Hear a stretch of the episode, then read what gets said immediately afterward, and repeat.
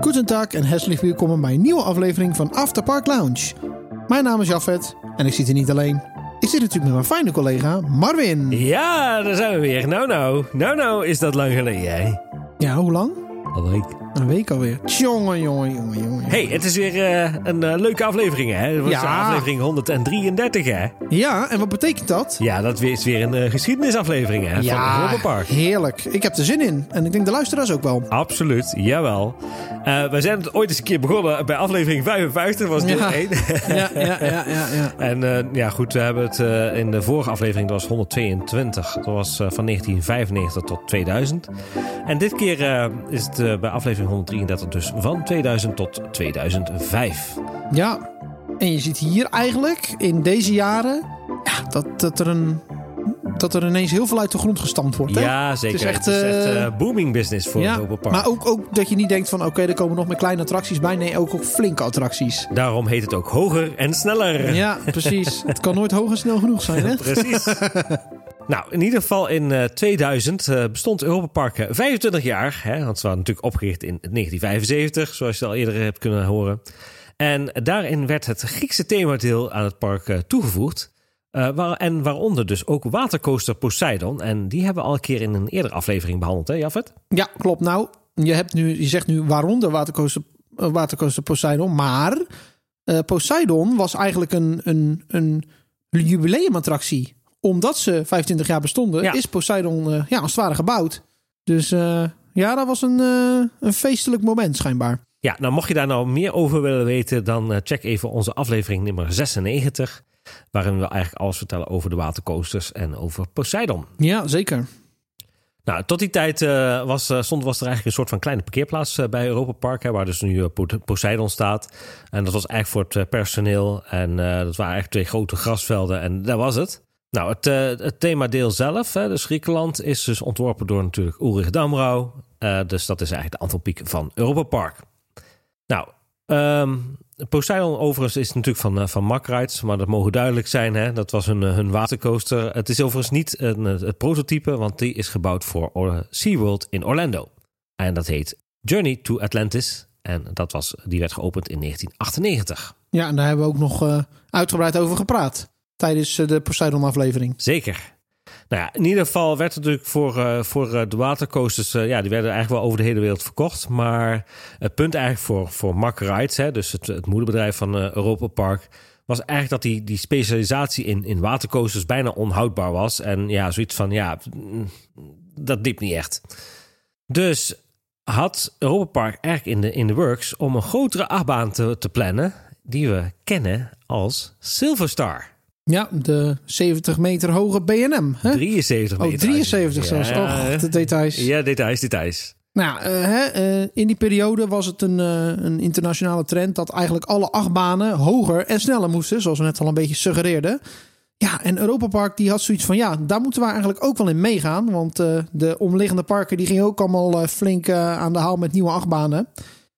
En hoewel eigenlijk Mack Rides klaar was voor, ja, om de uitdaging aan te gaan, eh, was Roland Mak eigenlijk niet heel erg zeker van zijn zaak. Eh, want hij had zoiets van, ja, kan Rides dat wel? Hè? Ja, Want eh, op dat moment deden ze nog niet echt hele ja, spectaculaire attracties. Nou ja, na lang overleggen met de managers van Waldkier besloot hij, ja, toch wel een beetje met pijn in het hart, dat de achtbaan niet zelf gebouwd werd, maar aangeschaft werd bij het Zwitserse bedrijf Bolliger en Mabiar. En die we dus eigenlijk kennen als B&M. Hè? zeker. En dat zijn toch eigenlijk wel kwaliteitscoasters. Ja, dat is eh, de KitchenAid onder de dingen. Onder de schoonmaken. Of hoe noem je dat? Onder de keukenmachines. Ja, ja, ja. Maar goed, eh, dat werd niet echt in dank afgenomen in eh Waldkirch zelf. Hè. Dus sterker nog, dat zorgde juist voor hele grote frustratie. Maar ja, zoals Roland eigenlijk zelf al zei... de achtbaan moet eigenlijk met wereldklasse technologie gebouwd worden. Ja, en in Waldkirch zijn ze daar eigenlijk nog- niet helemaal klaar voor. En als je toch kijkt, hè, eh, en eh, check ook bijvoorbeeld onze video's natuurlijk van, van een Bluefire. hebben ze best veel vanuit Waldkirch van geleerd. Hoe ze dat bij uh, BNM dus gedaan hebben. Bij dus Mabiar. Ja, Waldkirch heeft geleerd van BNM of BNM van Waldkirch? Nee, uh, Waldkirch heeft geleerd van BNM. Onder meer bijvoorbeeld het, het wegzetten van de treintjes in de remise. Ja. Om dat niet op rails te doen, want dan krijg je vierkante wielen van. Ja, ja oké. Dus ja, oké, ja, ja, ja. Maar uh, het is inderdaad wel zo dat de achtbanen die op dat moment in het park stonden... waren, ja, waren toffe banen, maar waren geen spectaculaire attracties. Nee, zeker niet. Ik bedoel, als je ernaar kijkt. Maar goed, dat bleek dus uiteindelijk ook dat uh, de eisen van Europa Park zelf dus veel hoger waren dan, uh, ja, dan dat Makrijts, hè, dus, uh, dus het moederbedrijf, kon leveren. Ja, 73 meter hoog hè? ja, dus dat Europa Park zegt, ik wil een nieuwe achtbaan. Zegt Makrijts, oké, okay, wil je dan 50 of 60 meter? Nee, 75. Ja, maar 73. dat kunnen wij niet. ja. Dat kunnen wij niet. Oeh, oeps. ja, nou ja, daardoor bleek dus ook wel uh, dat Rust en Waldkirch verder en verder en verder uit elkaar groeiden. Hè? Nou, en daarnaast was het ook nog eens zo dat het uh, komen en gaan was van directeuren binnen Makrijts. En uh, ja, die directeuren die probeerden dan weer innovatieve strategieën in te brengen. Maar ja, dat kost een hoop geld. En dat leidde natuurlijk ook weer door dat ja, Makrijts eigenlijk op het randje van de afgrond terecht kwam. Ja, financieel dus, gezien. Ja, financieel ja. natuurlijk. Ja. Zo'n achtbaan op de rand, dat is niet verstandig. Ja, en daarnaast was er ook nog eens een grote orde uit Vietnam uh, binnengekomen bij Makrijts. En ja, die werd plotseling gecanceld. Uh, en daarvoor had uh, Makrijts eigenlijk net flink geïnvesteerd. Dus ja, dat was al met al ook weer een heftig verlies voor het bedrijf. Ja, zo zie je maar weer, is het weer een opeenstapeling van, van dingetjes, hè? Ja, dat is niet best. Nou ja, de strategie om dus de makkerijs dan ook los te koppelen van Europa Park, ja, werkte dus eigenlijk averechts. En ja, sterker nog, hè, de, de, de makjes die uh, investeerden vrij weinig in, in Waldkier. En alles ging zo naar Europa Park. Alles is voor Europa Park, zeg maar. Ja, ja. Maar ja, dat achtervolgde dus hun ook nog wel voor een hele lange tijd dat dat dus gewoon ja, uh, niet goed ging. En dat ze dus Waldkier daar veel meer aandacht en, en tijd nodig hadden. Ja. Aan de andere kant was het ook zo dat, uh, nou ja, goed, hè, we hebben het ook in de vorige afleveringen ook gehad over, uh, over uh, de hotels en zo. Hè, dat in 1999 Castillo werd geopend. Nou ja, voor een slordige 11 miljoen euro overigens.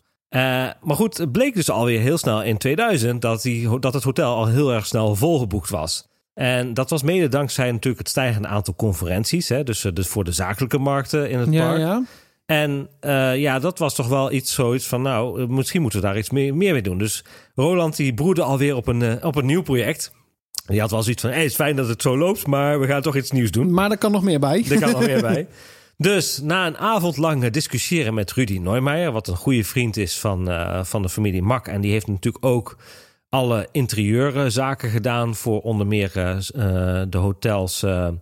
Uh, El Andalus en Castillo uiteraard, hè, die toen nog uh, helemaal gerealiseerd waren. Zij is dus ook uh, antiek en interieur ja, verkoper. Ehm, en hij had zoiets van, ik, we zijn een avond lang aan het discussiëren... en op een gegeven moment voept hij het woord Colosseo eruit... En nou ja, goed, dat was dus ook weer de spark om daarvoor een nieuw hotel te gaan maken. Um, hij is dus ook later uh, de later ontwerper voor natuurlijk Hotel Belrock. En luister dan ook even onze aflevering over Belrock. Uh, die, die kun je ook weer terugvinden bij ons op de, op de podcastlijst uiteraard. Um, en ja, de, de favoriete vakantieland van, van Rudy Neumeijer, of vakantielanden eigenlijk, zijn ook Sp Spanje en Italië. Goh, waarom verbaast me dat niks? Nee, ja. dus het was dan ook weer een gewaagd ontwerp om ja, het Colosseum in Rome, ja, om dat dan te gaan bouwen. Uh, tot een, uh, ja, of om te bouwen soort, tot, een, tot een hotel. Nou, uh, in het eerste ontwerp vanuit een extern architectenbureau was er een soort van glazen amfitheater. Een amfitheater is eigenlijk maar een soort van ja, halfrond theater, open lucht in de vaak, en met een podium. Wat je heel vaak in Griekenland natuurlijk ziet. Of in Italië ook, sorry, Italië en Griekenland. Um, en nou ja, goed, in dat amfitheater waren dan ook de hotelkamers verwerkt. Maar ja, dat bleek dan weer zo duur te zijn dat dat niet aantrekkelijk ontwerp was. Dus met al dat glas.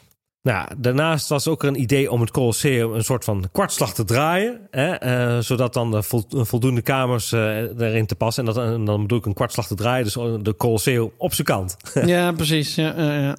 Nou ja, fijn werd het dus het uh, idee van die architect was het uh, ja, uh, ontelbaar keer aangepast en uiteindelijk ook niet naar tevredenheid. En Frans Mak, de, de vader van, van Roland, die was gewoon zichtbaar er niet blij mee en die maakte elke keer ook van die hele kortaf opmerkingen. Oh. Dus wat gebeurde er? Roland riep de hulp in van zijn adviseurs Rudy Neumeier, Ulrich Damrau en Michael Thoma. En dat is dan de advocaat van de familie Mak. En vaak ook zeg maar de mediator tussen, tussen Frans Mak en Ulrich. Want die konden niet met elkaar altijd e- door één deur. En dan was hij altijd zeg maar de, de, de, de, de persoon ertussen. Ehm, nou goed, gezamenlijk reisden ze dus af naar het Colosseum in Rome. En stonden dus op een gegeven moment ook in het midden van, het, uh, van de hele grote Colosseum. En wat bleek, je kan nog zo'n groot of kleine kopie maken van het Colosseum. Maar ja, dat doet geen recht aan het origineel.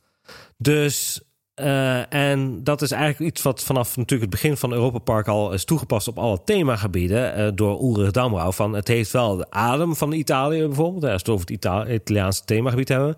Maar we gaan geen exacte replica's maken. Dus was, het, was er een idee nodig om ja, toch iets van het sfeer van het Colosseum te pakken. Maar het moest wel ver genoeg staan van het origineel. Nou, en toen kwam Roland met het idee om ja, de huizen van de baai van Portofino te gaan gebruiken als een soort van backdrop voor Colosseo. Nou, en zo opende in 2004 dus de eerste viersterren superieur hotel Colosseo. Overigens, leuk feitje, uh, is dat uh, Michael Mak, hè, de zoon van Roland Mak, de oudste zoon van Roland Mak, die heeft jarenlang een penthouse gehad op de bovenste verdieping van Hotel Colosseo. Ik zou zeggen, check even onze video van Colosseo. Daar gaan we ook sowieso toe naar het penthouse, want je kunt dat tegenwoordig gewoon uh, ja, huren als je dat ja. zou willen. Dat was een flink uh, appartement, zeg ja, maar. krijg je ook nog een kok bij die, uh, die zeg maar voor jou 's ochtends het ontbijt maakt. Uh, nou ja, goed, er zitten tig ontelbaar kamers in. ik zou zeggen, kijk, daar, ga er zeker even een kijkje nemen. Overigens, andere grappig feitje, wat ik overigens al met de research van, van Belrock heb gezien, voor onze aflevering van Belrock, is dat de grond waarop Colosseo gebouwd is, dat was jarenlang in de handen van een particulier. Uh, Oké. Okay. Dus, uh, en die heeft het uh, eigenlijk direct verkocht aan de familie Mak. En dat was een beetje tot groot ongenoegen van de gemeente, want hij bood het niet eerst aan aan de gemeente. ja, maar goed, dat moet hij toch zelf weten? Ja, dat, ja, dat klopt inderdaad. Of is dat een dooddoener in Duitsland? nou ja, dat, dat, weet ik niet. Maar de gemeente had het graag willen hebben, omdat natuurlijk het riviertje de Elster langs loopt. En dan kun je dus een mooi wandelpad voor naast maken. Ja, op zo'n fiets. En die kans was op een gegeven moment verkeken. En daarom was de gemeente niet blij dat dus die particulier dat verkocht heeft aan de familie Mak. Zonder Ja. Ja, uh, zonder daar eerst eens even de gemeente van op de hoogte te stellen. Nou, toen was het 2001 ondertussen. En uh, toen uh, opende het park ook voor de eerste keer in de winter. Hè? Dus dat was voor iedereen een hele spannende tijd. Van ja, komen er wel genoeg bezoekers? Is er genoeg te doen? Nou ja, een jaar daarvoor opende ook de Efteling voor het eerst haar poorten tijdens het winterseizoen. Dus het was ja, de eerste keer winter Europa Park. Ja. Nou, een jaartje verder in 2002, toen opende dan eindelijk de Europa Park afrit van de snelweg. Hè? Na decennia lang lobby is het dan eindelijk zover. Maar goed, uh, wat er ook speelde op dat moment, dus eigenlijk hè, on een sidestep, zoals ze dat leuk kunnen zeggen, um, was er Hans-Jurgen Tiemann. En daar hebben we het al eens een keer over gehad. Dat is de zoon van Otto Tiemann. Hè, en dat is een van de oprichters van Europa Park. Die verkocht uh, Heidepark aan de Tussauds groep. Ja. Dus uh, dat was toen niet meer van hun, helaas. Precies, en dat is nou tegenwoordig de huidige Merlin groep. Ja. Nou, en overigens uh, van 2002 tot 2005 bevond zich waar het tegenwoordige Aperture Atlantis is. Ja, bevond zich daar de Griezel-catacomben. Dat is eigenlijk een, een doolhof waarin uh, ja, ondoden gevangen werden gehouden. ja. ja, minimale leeftijd was destijds 10 jaar. Uh, en de looptijd was ongeveer een kleine 7 minuten. Uh, en daarnaast was er in 2003 ook nog een, een in de straat tussen de ijsarena en de voetbalarena. En ja, het ingangsfaçade wordt tegenwoordig gebruikt als toegangspoort voor de ijsshow. Uh, ja. Tijdens Halloween, hè? dus uh, dat is aan de achterzijde. Ja, dat is, je weet wel, hè, dat die, die grote poort, zeg maar, met ja. Halloween popoenen. Nou, dat was dus eigenlijk de ingang van die, ah. uh, van die maze. Ja. ja, en in 2002 was er ook voor Halloween een vrije valtoren, Horror Tower heette die. En die was van de kermisfamilie Kinsla. Dus ook wel geinig. Nou, dan gaan we nog even door het jaaroverzicht heen. Wat was er nou bijgekomen in de jaren? Um, 2001 hadden we natuurlijk de Europa Park Dome. Hè? Dat is, uh, ja, het is heel verwarrend. Maar je hebt de Europa Park Arena en de Europa Park Dome. En de Dome is de tent, als het ware. Um, nou, er waren twee nieuwe themagebieden. Het Griekse themagebied. Het is het tweede deel van het Griekse themagebied. Want het eerste deel was al gebouwd, hadden we al verteld. En uh, ja, Welt der Kinder, wat tegenwoordig Ierland is. Dus dat was destijds alleen maar een ja, hoeveelheid speeltoestellen, toch? Ja, en je had af en toe nog zo'n zeg maar, zo'n zo'n waterbaantje erbij en dat soort dingetjes. Dus ja, precies. Was, ja, ja, het was ja. voornamelijk inderdaad wel op de kleintjes uh, gericht, ja. Nou, verder was er nog de tovertuin. Hè, heb, je, die, heb, je, heb je die wel eens gedaan, die tovertuin? Uh, ik ben wel eens door die tuin van Slot Balthasar heen gelopen. Maar is de tovertuin heel de tuin? Nee, is niet de hele tuin. Oh, nou dan moeten we dat binnenkort eens gaan doen, want dat zegt mij even niks. Als je, zeg- je hebt natuurlijk, eh, zeg maar, zoals Balthazar, daarvoor Ja. heb je natuurlijk het terras, heb je daarvoor het gras met eh, het riviertje ertussen. dat is echt helemaal aan de kant van het hek, aan de linkerkant. Ja, aan de kant van het hek. Daar heb je dus een, zeg maar een tuin met allemaal bloemen en dat soort dingetjes. En daar, daar vind je dus de tovertuin. Oh, dat wist ik niet. Ja. Moeten we nog maar eens checken. De Biergarten was nieuw. En natuurlijk eh, nieuwe chalets bij het Zwitserse Bobbaan. Zeker. Nou, dan hebben we 2002. Wat was er toen nieuw? Eh, de Silverstar werd gebouwd. Die had een capaciteit van 1620 personen per uur. Een rittijd van 3 minuten. Drie treintjes. eh, 36 personen per trein. Met een hoogte van 73 meter. De baanlengte is 1620 meter. En de lengterestrictie was 1,40 meter. En ja, zoals we al zeiden, eh, was van B&M. Nou, daarbij werd eh, de Mercedes-Benz al gebouwd als soort samenwerking. En eh, er kwam het nieuwe Nivea Kinderland. Hè, dat eh, was eigenlijk, dus eigenlijk het, het Welt der Kinder werd omgebouwd naar Nivea Kinderland. En tegenwoordig is dat Ierland. Ja, Hashtag sponsors. zeker. De eerste medewerkerswoningen werden gebouwd. En eh, ja, de Leugturmspaas. Geen idee wat dat is. Dat is Ja. nu de Tower Touw. Wat is de ja, Tower Touw? weet je nog, als je in, in Ierland bent, heb je een soort van bankjes die je met, je met, met een touw omhoog kunt trekken, zeg maar, en kun je jezelf Ja. laten vallen. Dat is die tower touw. Oké, maar die is er nu niet meer, Sorry. toch? Of is die er nog? Die is er nog steeds. Oh, die is er nog wel. Ja. Nou, zoals al vertelde, de afrit van Europa Park eh, ja, werd gebouwd. Ja, en de waterspeelplaats bij El Andalus, de El Pueblo del Agua. Netjes gezegd. Goed, Netjes hè? Doe ik het een keer goed in één keer. awesome. Ja, Nou, in 2003 kwamen ook weer wat, eh, wat eh, kleinigheden erbij. We hadden natuurlijk Casa de Aventuras, hè, dus het huis van de adventurers. Ehm, volgens mij was dat niet, eh, niet zo'n heel grote, grote attractie. Uiteraard de Kamchatka Airline, Club. En dat is natuurlijk waar nu de voetbalarena is. Of ja, Julbi, hè, waar het even de tijdelijke... eh, eh, de Arena of Football. Ja. You know, the Arena of Football. en dat was natuurlijk uiteraard een eh, vliegsimulator. Ja. Hè, wat uh, in eerste instantie werd gepromoot als zijn het is een, eh, een, een vliegtuig. Maar als je er eenmaal in gaat zitten, dan heb je een simpele mijntrein als, als simulator. Je bedenkt het maar. Jij zegt het. Daarnaast werd het uit het kindertheater uh, werd, toegevoegd in het Nederlands themadeel. Ja, het is uiteindelijk verhuisd, hè, als het ware. Ja, een soort van. Ja, vanuit Italië. Uh, en uiteraard hadden we natuurlijk de Magic Cinema uh, in, uh, in ja, de, de, ja, ze noemen dat de filmwereld. Hè? De ja, het heeft heel veel namen. Ja. De ene keer heet het weer een 4D kino, dan heet het weer 4D studio. Het heeft iedere keer een andere naam. Ja, dus, uh, maar het is, uh, ja, tenminste, Magic Cinema is volgens mij de officiële benaming. Oké, okay, nou, dan weten we dat. Het uh, Tipi-dorp werd natuurlijk uh, toegevoegd. eigenlijk is ik, ik had eigenlijk dacht, gedacht dat Tipi-dorp langer zou zijn, maar Tipi-dorp werd natuurlijk toegevoegd. Ja. De Hip Baby Service. Voor hippe baby's. Ja, voor hippe baby's. en uiteraard werd de Elvenvaart even flink geplust met een mooie nieuwe tunnel. Geplust noem jij dat. ja. ah, ja, ja. Nou, in 2004 kregen we natuurlijk Hotel Colosseo erbij. Uh, als, uh, als, uh, als hotel. hadden we ook wat uitbreiding van het Tipi-dorp. Van ja, als je nou toch bezig bent met de resort, dan doe maar gelijk goed, hè. we hebben een herziening van Ciao Bambini. Een herziening? Een herziening, jawel. Dat is toch gewoon de ombouw van Merkemaas naar Lafferland naar Ciao Bambini? Ja. Ik, of was dat niet jaar? Volgens mij werd het geplust, zeg maar. Oh, werd het geplust? Ja, okay. een soort van. Dan hadden we ook de Dreetheater, hè, dus waar het nu Historama is. Dat was het vroegere Dreetheater. Daar werd een nieuwe lasershow aan toegevoegd. En uiteraard een gladiatorenshow in de Spaanse Arena. Oh, nice. Yes. Dan uiteraard in 2005, dan uh, ja, opent natuurlijk een, uh, een hele grote attractie. Jawel, Atlantica Supersplash. En dat, uh, de attractie zelf die heeft, heeft een capaciteit van 1400 personen per uur. Die gaat maar liefst 80 km per uur naar beneden.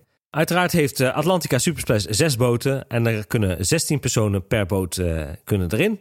De baanlengte is 390 meter. De maximale hoogte uh, van de attractie is 32 meter. De minimale hoogte is 1 meter. Oh, is dat zo, ja? ja, ja, ja. Dus voor kinderen, hè, uiteraard. Uh, voor, Ik wist niet dat er een minimale lengte was, joh, ja, bij de Supersplash. Blijkelijk. en hij is uiteraard gebouwd door Mack Rides.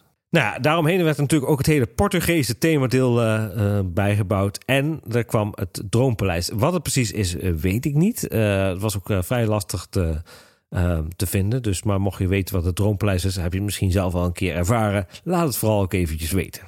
Nou, in 2006... Nee, ho, ho, ho, ho, ho, ho, Ah. ho, ho, ho, ho, Marvin. Ah. We gaan veel te snel. We gaan veel te snel. Dat gaan we niet doen. We gaan de luisteraars in spanning houden. En dan gaan we volgende keer lekker beginnen bij 2006.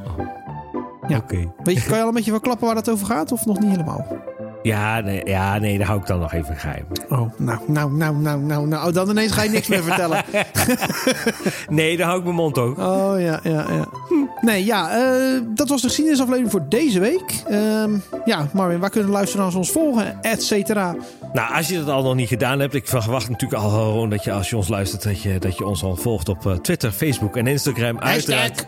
Precies, onder de handle Afterpark Lounge.